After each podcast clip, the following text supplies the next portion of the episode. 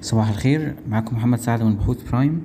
هنبدأ الاجتماع الصباحي ليوم الاثنين 19 سبتمبر 2022 من الأخبار النهاردة آه، حوار كان آه، مع رئيس البورصة كان منشور في بلومبرج الشرق آه، كان بيقول فيه إن في محادثات جادة مع خمس أو ست شركات من شركات القطاع الخاص عشان يطرحوا أسهمهم في البورصة المصرية. بما يعني إن الطروحات القادمة مش شرط تكون حصص في شركات آه، مملوكة للدولة ولكن برضو آه، في اهتمام من القطاع الخاص بالطرح بالبورصة خلال الفترة الجاية. برضو من الأخبار النهاردة آه، في اهتمام من جهاز قطر للاستثمار اللي هو صندوق قطر السيادي بالاستثمار في الموانئ المصرية. حسب الأخبار المتداولة تم توقيع مذكرة تفاهم بين وزارة النقل وجهاز قطر للاستثمار عشان خاطر في المستقبل ممكن يكون في استكشاف لفرص للاستثمار في آه، الحاويات بالمواني المصرية.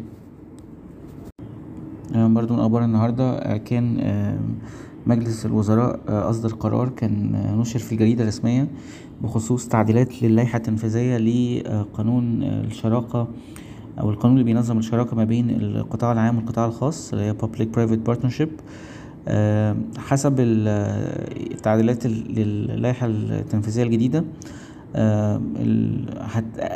هتسمح للشركات آه، إن هم يدخلوا في شراكات مع القطاع العام آه، من غير ما يكونوا جزء من consortium أو تحالف آه، وإن هي ممكن تسمح لهم إن هم يقترحوا أو يقدموا proposals للحكومة أو للقطاع العام ولكن شريطة إن يكون في دراسات الجدوى اللازمه وآخر خبر يخص الاقتصاد الكلي. آه، الحكومة بتستهدف آه، إيرادات من صادرات الغاز الطبيعي آه، في السنة المالية 2023 ممكن تتراوح ما بين 8 مليار ونص دولار ل 10 مليار دولار خلال السنة المالية 2023 بالمقارنة ب ستة ونص مليار دولار في السنة المقارنة. ده حسب حوار كان لقاء تلفزيوني مع وزير البترول. برضو من أخبار الشركات إعمار كان عندها مجلس إدارة يوم 15 سبتمبر نتج عنه قرارين. القرار الأول كان الموافقة على عقود لتسهيلات ائتمانية أو كريدت فاسيلتيز عشان خاطر تمول التوسعات المستقبلية بتاعة الشركة. والقرار التاني كان الموافقة على التوسعات المستقبلية لمشروع صول واللي كان بناء على ال partnership اللي كانت مع شركة ايجل هيلز آه، مصر لإدارة المشروعات. في خبر عن مدينة نصر إن هي وقعت آه، مذكرة تفاهم آه، مع شركة الحاذق للإنشاءات عشان خاطر تقوم بأعمال إنشائية بقيمة مليار ونص جنيه تقريبا هتبدأ بمشروع شالية في تاك سيتي.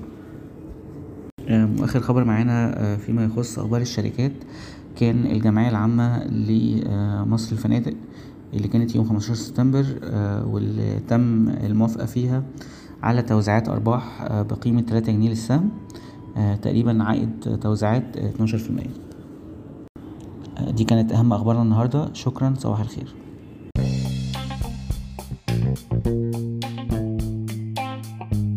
يرجى العلم أن هذا العرض هو لأغراض معرفية فقط. ولا يمكن اعتباره عرض أو توصية شراء أو بيع أو إدارة استثمارات أو خدمات استشارية. ينصح باستشارة مستشارك المالي قبل اتخاذ أي قرار استثماري. الأداء التاريخي ليس مؤشرًا يعتمد عليه لتحديد الأداء في المستقبل.